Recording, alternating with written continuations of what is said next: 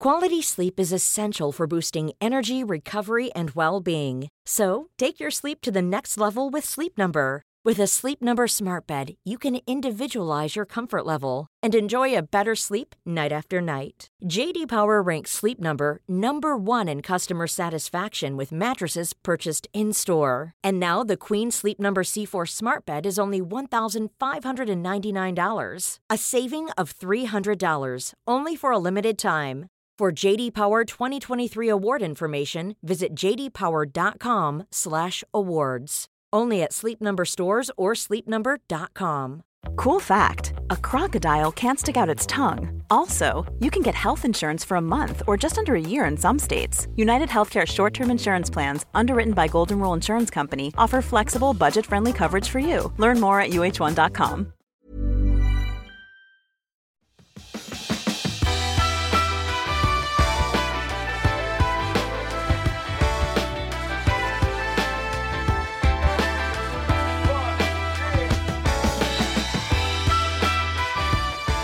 Hej och välkommen till Klimakteriepodden med mig, Åsa Melin. Idag så ska du få träffa psykolog Siri Helle som ofta är med i bland annat Nyhetsmorgon där hon som psykolog hjälper oss att skapa förståelse kring beteenden och känslor. Och i boken Känslofällan så har Siri lyckats med konststycket att ge verktyg som jag faktiskt upplever kan ge skillnad. Jag har ju alltid gillat det här uttrycket “jag har ibland otur när jag tänker” och kanske är det att vara lite väl generös och bara liksom låta det passera. Istället kanske man ska våga titta på känslorna. Och Siri har introducerat ett nytt uttryck för mig och det är att tankarna inte alltid är så välinformerade även om de är välvilligt inställda och tror att de skyddar dig. Ja, du hör ju själv. Det här blir intressant och lyssna på. Så du är självklart välkommen. Och så ska vi ju ta in kvinnan mitt i livet i det här perspektivet, det lovar jag. Så hur ska jag kunna gå vidare när ältandet tagit över eller man hamnat i att dra sig för att göra saker som man brukar tycka är roligt när man gräver ner sig mer och mer? Ja, här börjar det och eh, det är förändring kring sitt beteende och gentemot sina tankar som gäller. Så välkommen att lyssna så ska du få en rad nya insikter och tankar och inte minst verktyg.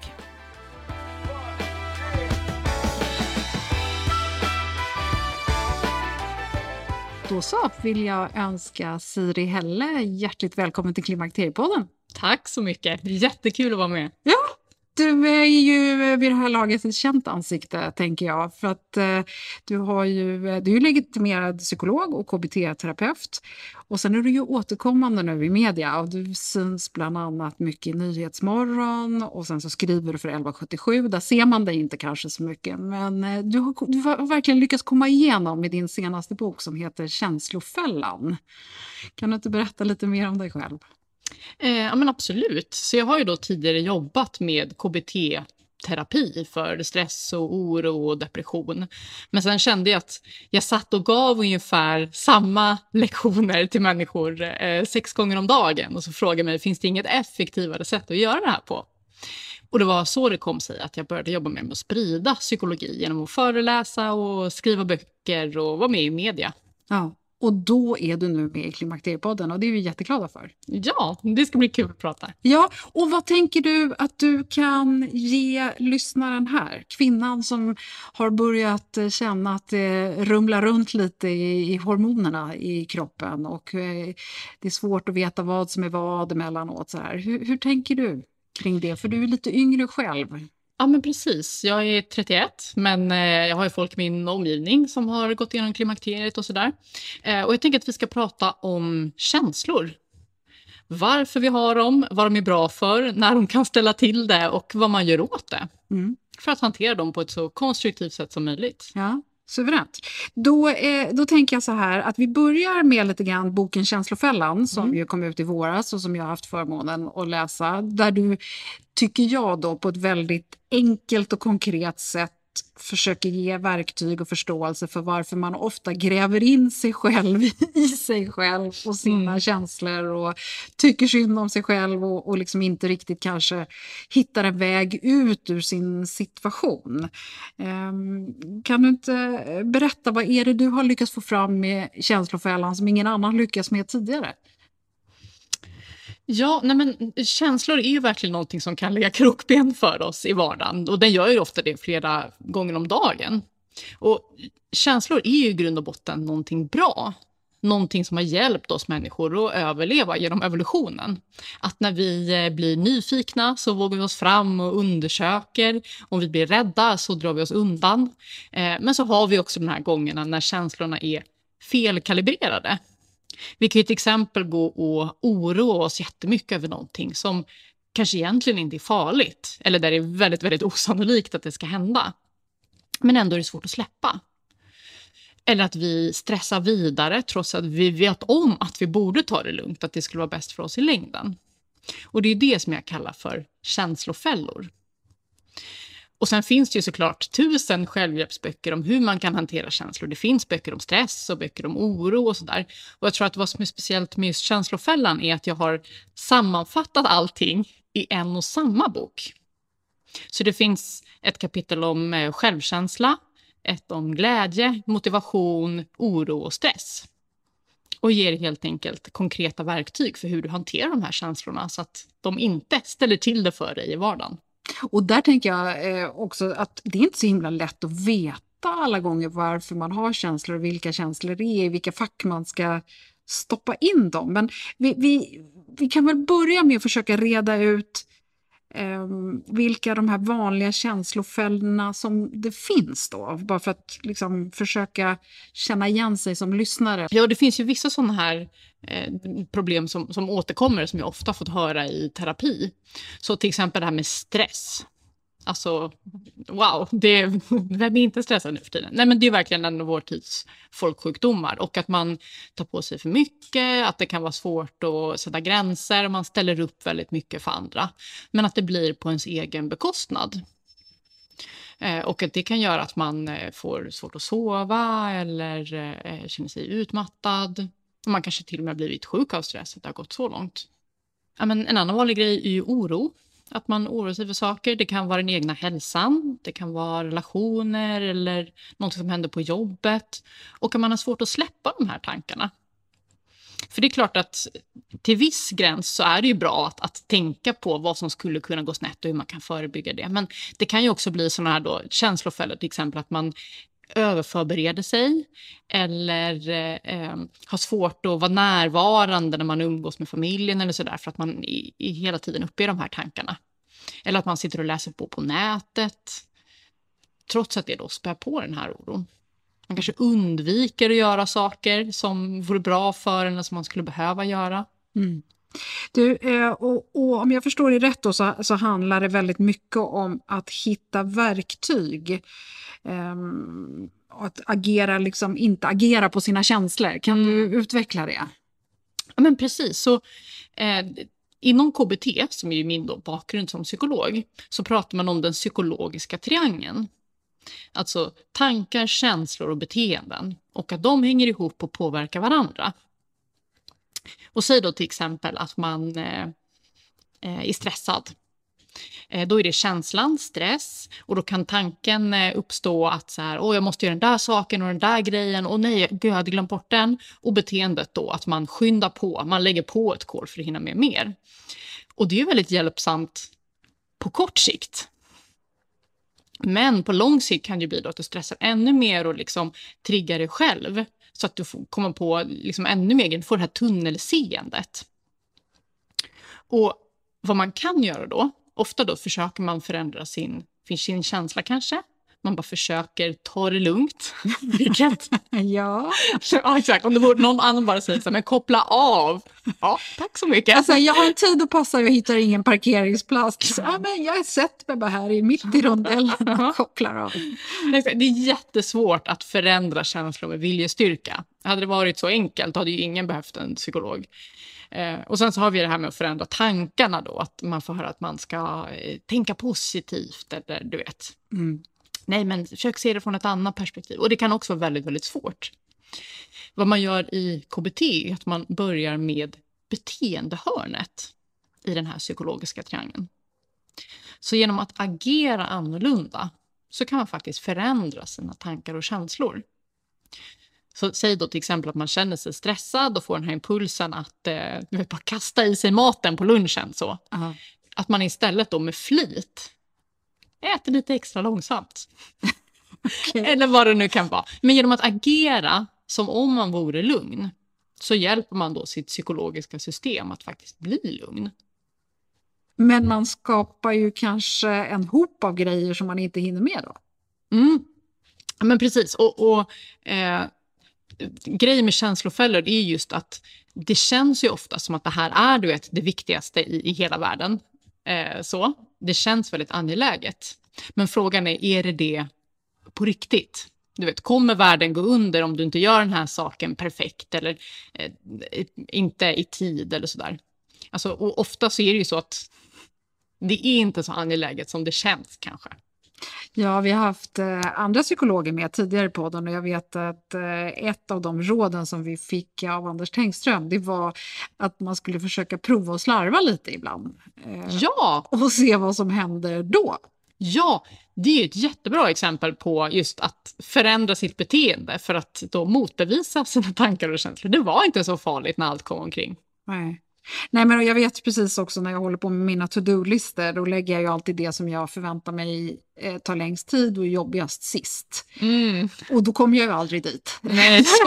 Så det är ju ett effektivt sätt att liksom slippa göra någonting. Men stressen finns ju där Mm. och mal hela tiden, så det är ju inte alls särskilt effektivt, tänker jag. Mm, mm. Hur skulle man kunna göra med ett sånt exempel?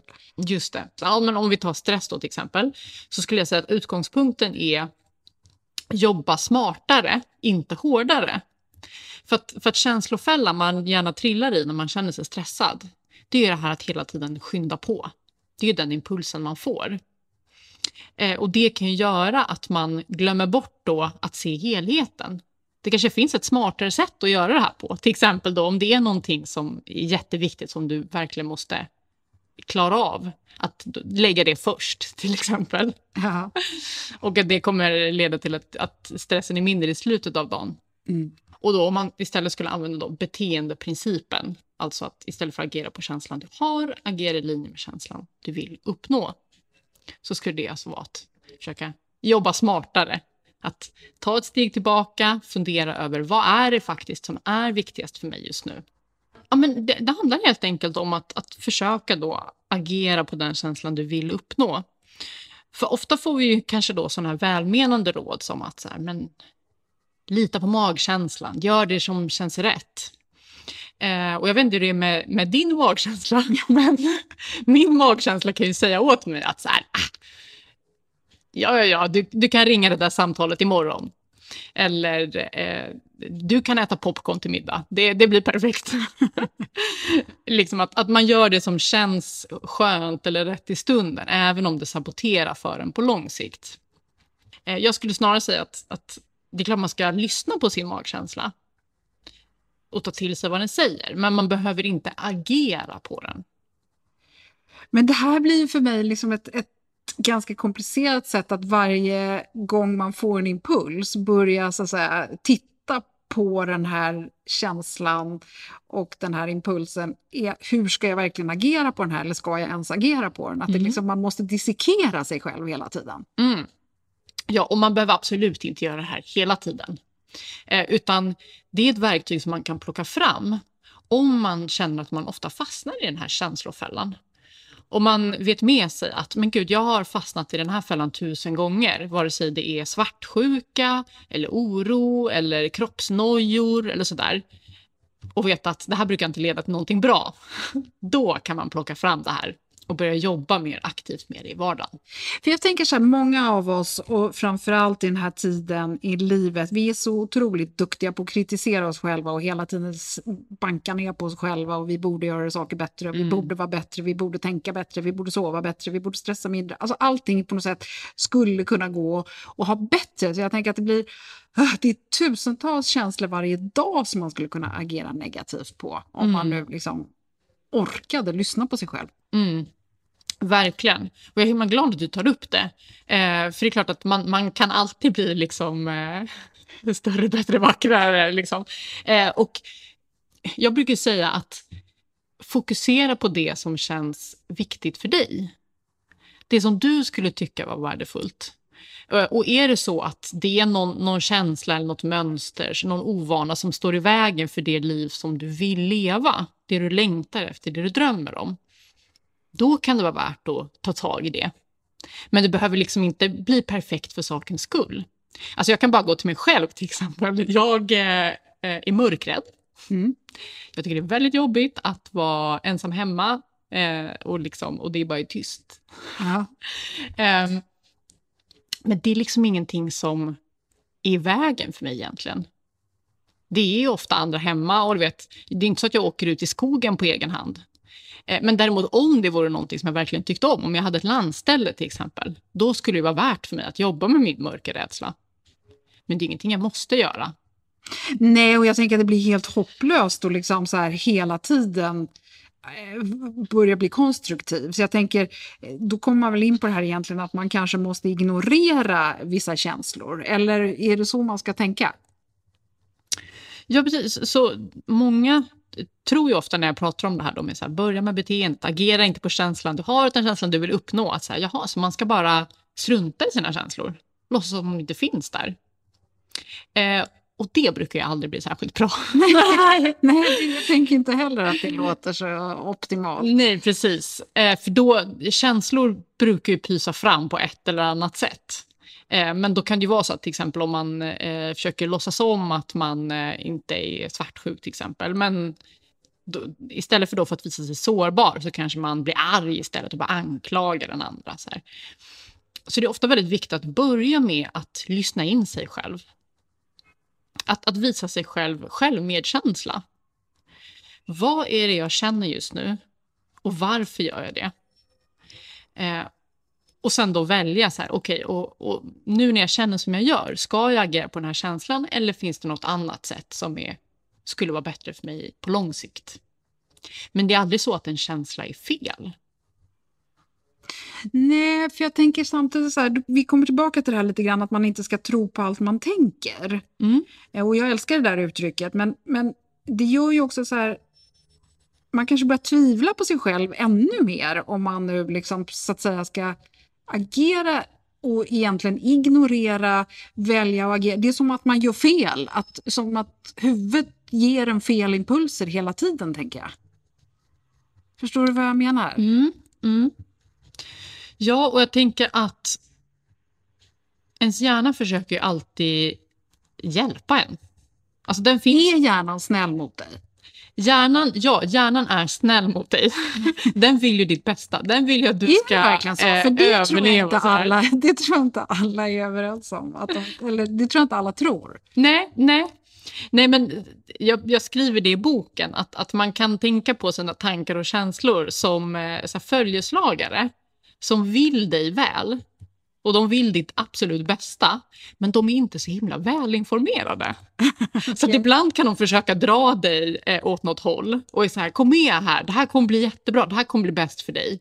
Eh, men du vet att, att de inte har rätt. Alltså du vet mer än vad de gör.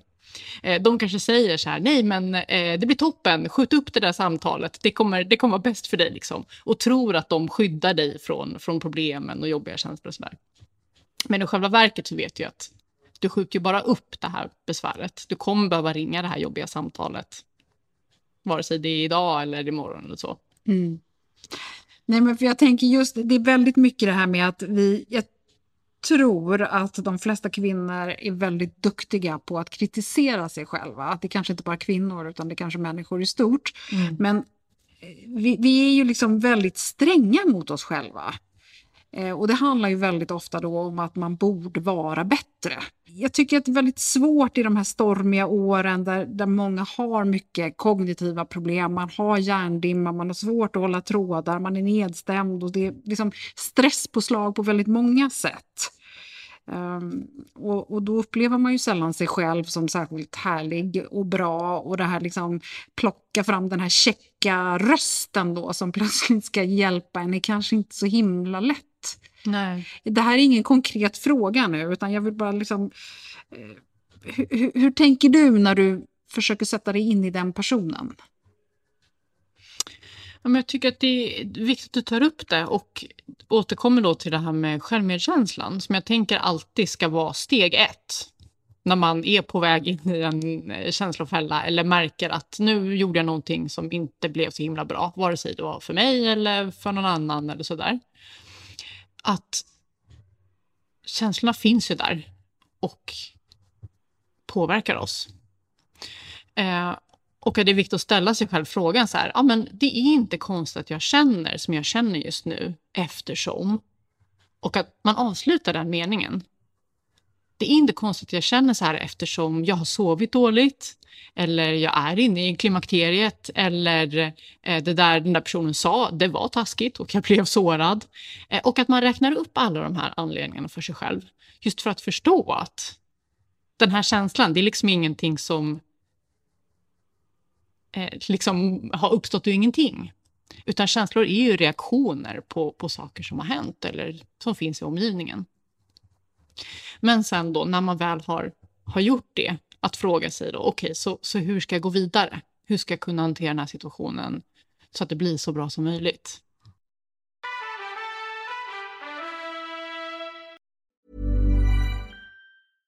Want flexibility? Take yoga. Want flexibility with your health insurance? Check out United Healthcare Insurance Plans. Underwritten by Golden Rule Insurance Company, they offer flexible, budget friendly medical, dental, and vision coverage that may be right for you. More at uh1.com. Quality sleep is essential for boosting energy, recovery, and well being. So take your sleep to the next level with Sleep Number. With a Sleep Number smart bed, you can individualize your comfort level and enjoy a better sleep night after night. JD Power ranks Sleep Number number 1 in customer satisfaction with mattresses purchased in-store. And now the Queen Sleep Number C4 smart bed is only $1,599, a saving of $300 only for a limited time. For JD Power 2023 award information, visit jdpower.com/awards. Only at Sleep Number stores or sleepnumber.com. Det är härligt att klimakteriets tabu äntligen är på väg bort. Vill man försöka klara sig utan hormonbehandling så finns nu många nya kosttillskott som lovar bland annat hormonell balans och som ska stötta brister. Jag vill lyfta min räddare i nöden, Femarel. Det har inte bara varit min utan många andra kvinnors räddning i över 20 år. Och med lång tid på marknaden, med nöjda användare, dessutom med 20 forskningsstudier så vågar jag säga att det kan vara en god idé att prova Femarel. Femarel finns på apoteken och i hälsokostbutiker. Tack Femarel som varit min samarbetspartner i många år.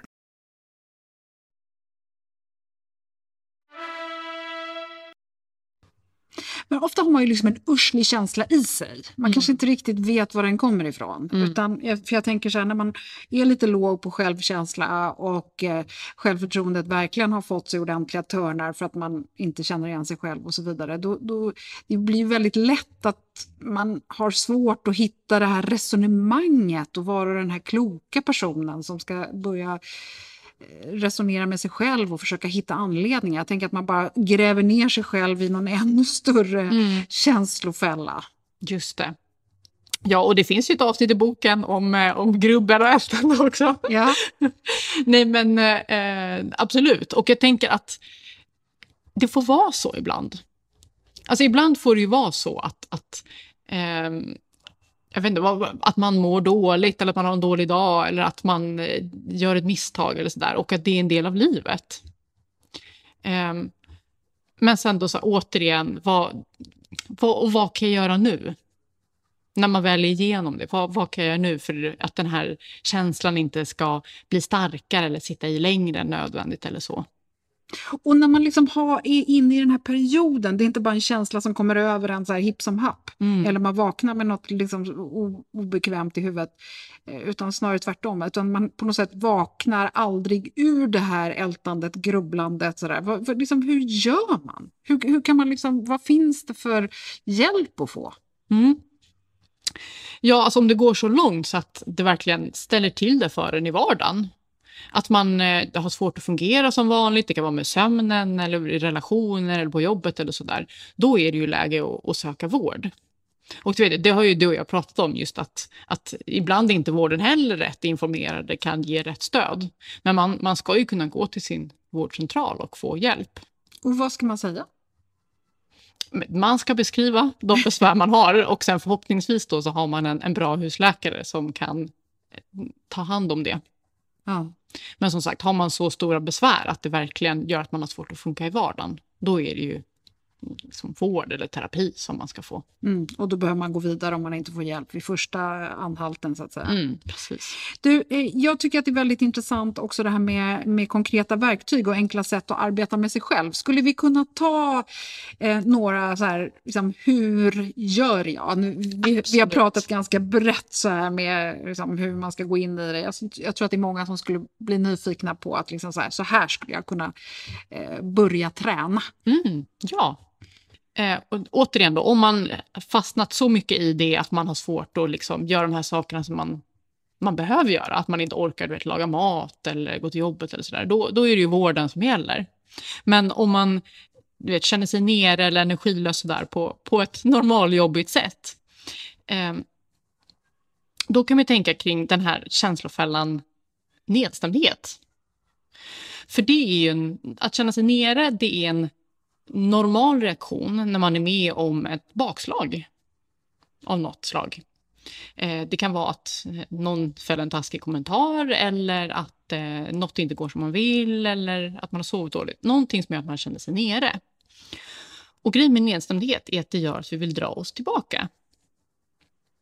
Och det tror man ju har den evolutionära förklaringen att om man lever i en, en farlig värld och är med om ett, ett bakslag så ska man dra sig undan och slicka såren för att sen då våga ge sig ut igen. Men det kan lätt bli då den här negativa spiralen att i och med att man drar sig undan så drar man sig också undan från de här sakerna som brukar ge en glädje och energi. Man kanske känner sig, man kanske är bjuden på en middag på kvällen men känner att så här, nej, jag orkar inte. Och istället så stannar man hemma. Fast man vet med sig att man faktiskt brukar vara gladare i slutet av, av kvällen om man går på middagen än om man sitter hemma och kollar på gamla repriser på tvn. Mm. Och känner man sig nere, då handlar den här beteendeprincipen om att aktivt försöka planera in de här sakerna som brukar ge glädje och energi. Även om man just i stunden inte riktigt känner för det. För att det på sikt brukar göra då att man, att man får ladda batterierna Mm. och känna mer mening i vardagen. Mm. Och det tänker jag man kan applicera på flera saker som till exempel den där promenaden eller det där samtalet med väninnan eller saker. Alltså det är inte bara den här middagen utan det finns ju många små saker som man också kan Verkligen. plocka in där. Ja, och det är också viktigt att understryka att så här, eh, ofta får man ju sådana checkaråd som så här, känner du nere, ut och spring. Ja. Ja, tack. Men det, det har man inte alls ork till när man vaknar Eh, och liksom helt se. Man kanske, det kanske är svårt att ens ta sig upp ur sängen på morgonen. Men då handlar det om att, att lägga ribban där man är. Man kanske ändå orkar då ringa en väninna eller eh, ta en promenad eller vad det kan vara. Eh, jag tycker att man går och pysslar med växter. Och det har blivit min sån där må bra-aktivitet. Så när jag har en dålig dag, så här, jag orkar inte träffa någon. Men jag orkar i alla fall pyssla med växterna. Och då blir jag på lite bättre humör jämfört med när jag bara ligger i sängen med täcket över huvudet och grubblar över hur dåligt jag mår. Om man känner fysiska eh, besvär, då, till exempel det här som är väldigt vanligt, då, att man har mycket vallningar, man kanske känner hjärtklappning, man har oro, man, har liksom, man vet att det inte är fel på en, för man vet att det är klimakteriet man är alltså inte sjuk, så långt har man liksom rätt ut det, men man mår ändå dåligt av de här fysiska besvären. Hur, hur skulle man kunna agera då? Eh, men ofta när man, man jobbar i, med, i terapi med den typen av besvär så handlar det om att fundera över vad, vad kan jag ändå göra? Eh, det kanske finns vissa saker som liksom inte går av praktiska skäl, om man till exempel känner sig väldigt, väldigt trött. Men ofta så finns det väldigt mycket som man ändå kan göra, men av olika skäl drar sig för att göra. Och så leder det till att man får det här begränsade livet utan, man skalar av en massa glädjeämnen utan att hitta några nya. Och så känns liksom livet ganska innehållslöst och deppigt. Och då handlar det just om att, att fundera över vad är de här sakerna jag ändå kan göra eller eh, försöka hitta nya intressen. Jag menar, även om man inte vill göra allting som man gjorde tidigare så det finns ju ett, ett brett utbud med, med hobbys och sånt där som, som ändå som man kan testa på och se vad är de här grejerna som ger mig mening i vardagen. Mm. Jag menar, har du själv några sådana exempel? Tänker du rent konkret på att göra saker? Ja. ja nej, men jag eh, flyr ut i skogen så fort, ja. det är något, höll jag på att säga. Eh, det ger mig väldigt eh, mycket lugn. Att mm. liksom gå ut i skogen. Ibland behöver jag ha distraktion med någon podd eller musik eller något, ofta något snack av något slag i öronen eh, från någon annan som låter trygg och lugn. Mm. eh, det är ett sätt tycker jag. Och, eh, men jag känner igen jättemycket det här med att liksom dra sig undan, speciellt under hela coronan där jag under ett tag kunde känna så här, gud vad skönt det är med den här pandemin. Nu har man liksom, behöver man inte ja. vara bland människor och gå på jobbiga tillställningar som man kanske inte känner sig helt bekväm i.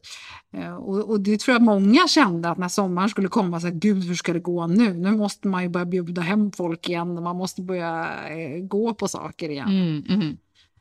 Ja, och jag tror att det är en anledning till att, att pandemin också påverkade människor så olika. Så för en del människor så var det att man gick miste om väldigt många av sina sådana bra aktiviteter. Till exempel om man tyckte det var kul att gå till jobbet och träffa kollegorna och sådär och sen kanske man inte kunde göra det på samma sätt eller träna eller träffa vänner. Och att många då blev väldigt, väldigt nere, hamnade i den här liksom, passiviteten.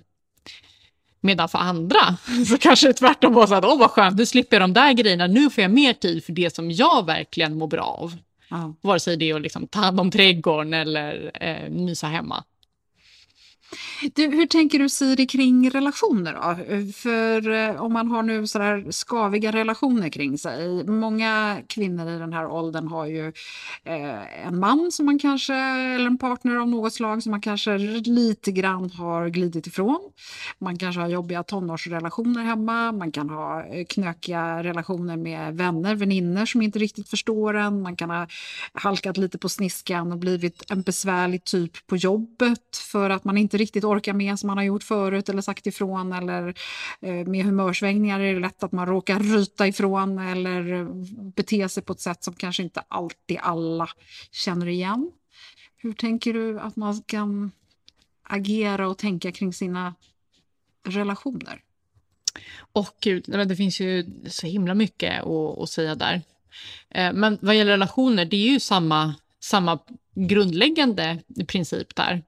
Att eh, agera på, på känslan man skulle vilja uppnå. Du tog som exempel där med, med om man har en partner. Eh, då är det väldigt vanligt då att ja, men det kanske inte finns liksom, eh, samma lust eller energi eller så i en relation som man har varit i väldigt länge. Eh, och då är det väldigt vanligt att man blir mer då passiv i den relationen. Eh, och just för att man har inte samma energi eller sådär, att hitta på saker. Och då kan den här beteendeprincipen handla om att, att fundera över, okej, okay, så vad är de sakerna som skulle kunna väcka den, den glädjen eller den attraktionen igen? Vad är det vi brukar tycka om att göra? Vad är det vi gjorde tidigare? Så vad, vad är det som känns lustfyllt och lockande? Och att då pö om pö försöka få in mer av det i vardagen. Och även då om det i början kan kännas lite så här, ja, men lite konstigt, va? Vi är väl inga som, som brukar göra den här grejen? Nej. Men om det ändå känns eh, lustfyllt, att man fortsätter göra det. Eh, och skav i relationer och konflikter kan ju uppstå av, av tusen skäl. Eh, och ibland så finns det ju goda anledningar att inte ha kvar den relationen helt enkelt. Om det är så att nej men det här är en person som ja, under lång tid har bara alltså, tar energi och för en gångs skull så stod jag upp för mig själv eh, och då blev det jättemycket konflikt. Ja, men det, det kanske inte är en, en vän sådär som, som du vill ha i ditt liv. Eh, och då behöver man inte investera mer i den relationen, kanske till och med säga det att det är nog bäst att vi eh, går skilda vägar.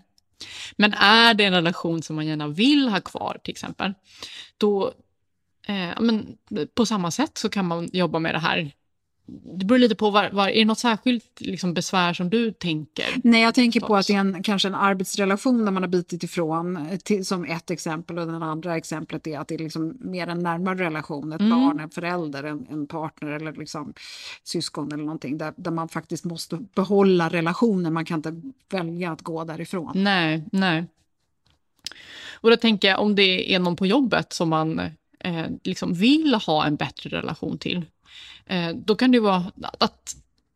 Okej, okay, så vad brukar du göra med människor som du har en nära relation till? Hur brukar du bete dig mot dem? Eh, du kanske brukar fråga dem hur helgen har varit. Du kanske, om ni ska eh, sätta er på ett möte, så kanske du frågar så här, ah, jag ska hämta kaffe, ska jag hämta till dig också? Eller var, du kan fråga om deras åsikt på ett möte. Och fundera, vad är de här grejerna som jag brukar göra när jag tycker om någon? Och faktiskt, om man gör då dem mot den här personen som man kanske känner sig lite gnisslig mot så kan det leda till att man börjar tycka bättre om den personen. Wow. Genom att vara generös och ta första steget.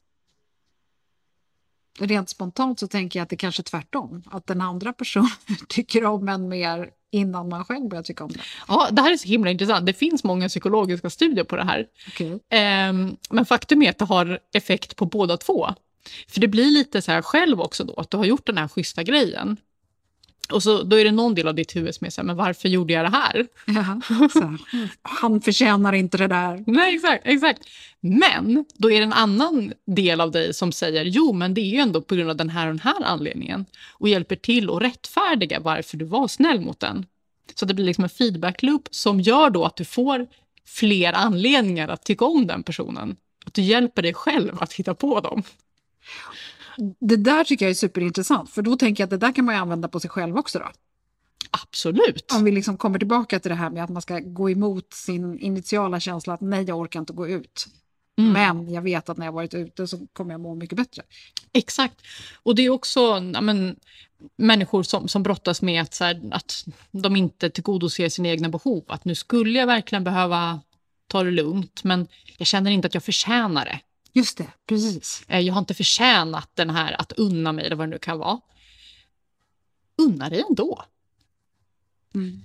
Att, och, och just, det blir en sån här känslofälla då, att det känns lite konstigt i stunden att gå emot den här impulsen. Eh, du kanske är så här, ah, men jag vill, nu skulle jag verkligen behöva bara tappa upp ett, ett bad och lägga upp lite så goda chokladpraliner och bara ha min stund. Eh, det känns lite, lite skamfullt och lite fel sådär. Gör ändå.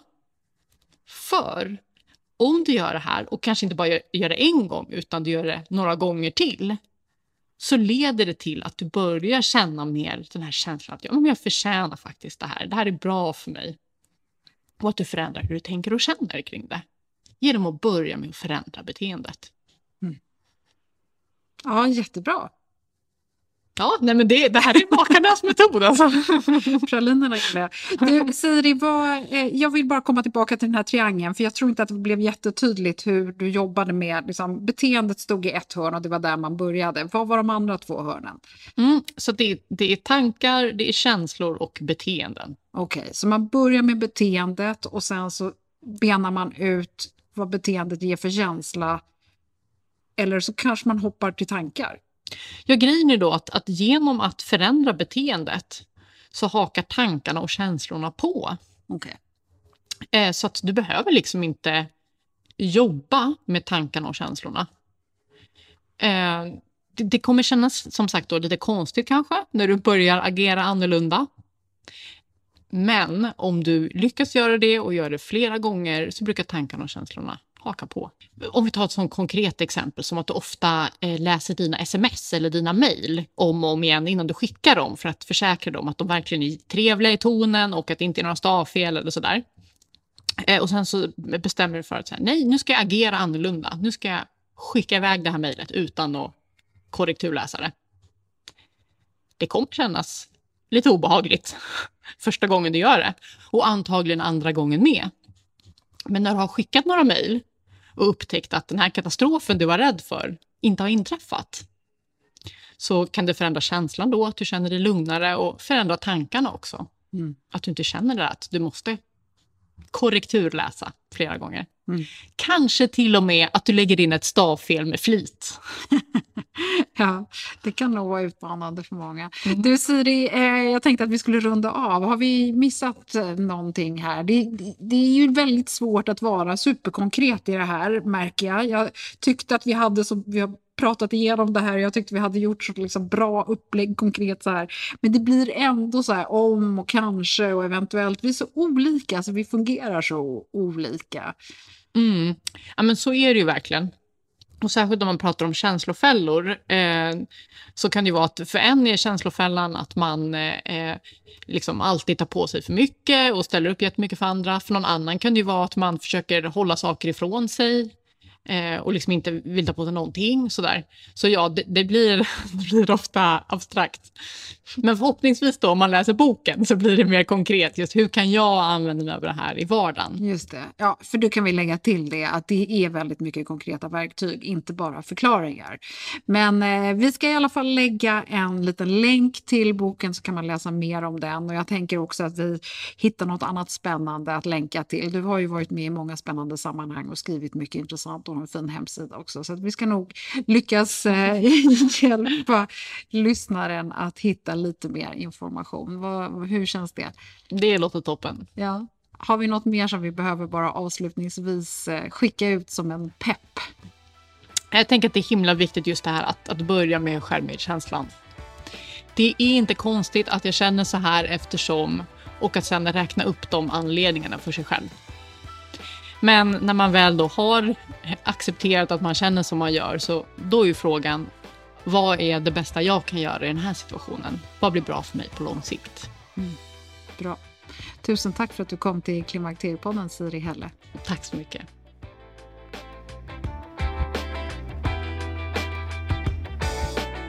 Ja, men eh, det här gav mig mycket energi. Jag tyckte det var ett spännande samtal. Det var roligt att träffa Siri Helle. Det är fantastiskt intressant också att träffa en psykolog. Varje gång så hamnar jag i det här med att mm, liksom, jag ställer en fråga och så kommer den tillbaka bollad med ja men eh, vad tänker du, vad tror du eller hur menar du nu? Det är spännande att tvingas tänka efter. Precis ehm, det är väl det vi också bör göra med våra egna tankar. Kanske uttala dem högt kan vara en metod för att titta på dem lite mer neutralt utifrån. Läs gärna mer om Siri Helle, hennes bok och hennes tankar på hennes hemsida och eh, det finns naturligtvis länkar på klimakteriepodden.se och kanske vill du följa psykolog Siri på Instagram. Psykolog Anders Tengström är en klok man och honom hör du i bland annat avsnitt 209. I nästa avsnitt så ska vi lära oss mer om socker. Sötsug någon? Mm. Det underbara, oemotståndliga söta. Det kallas ju ofta för gift. Varför då? Jo, det ska du få veta. Populära och uppskattade Eva Mörk kommer tillbaka, så välkommen snart igen. Hej så länge!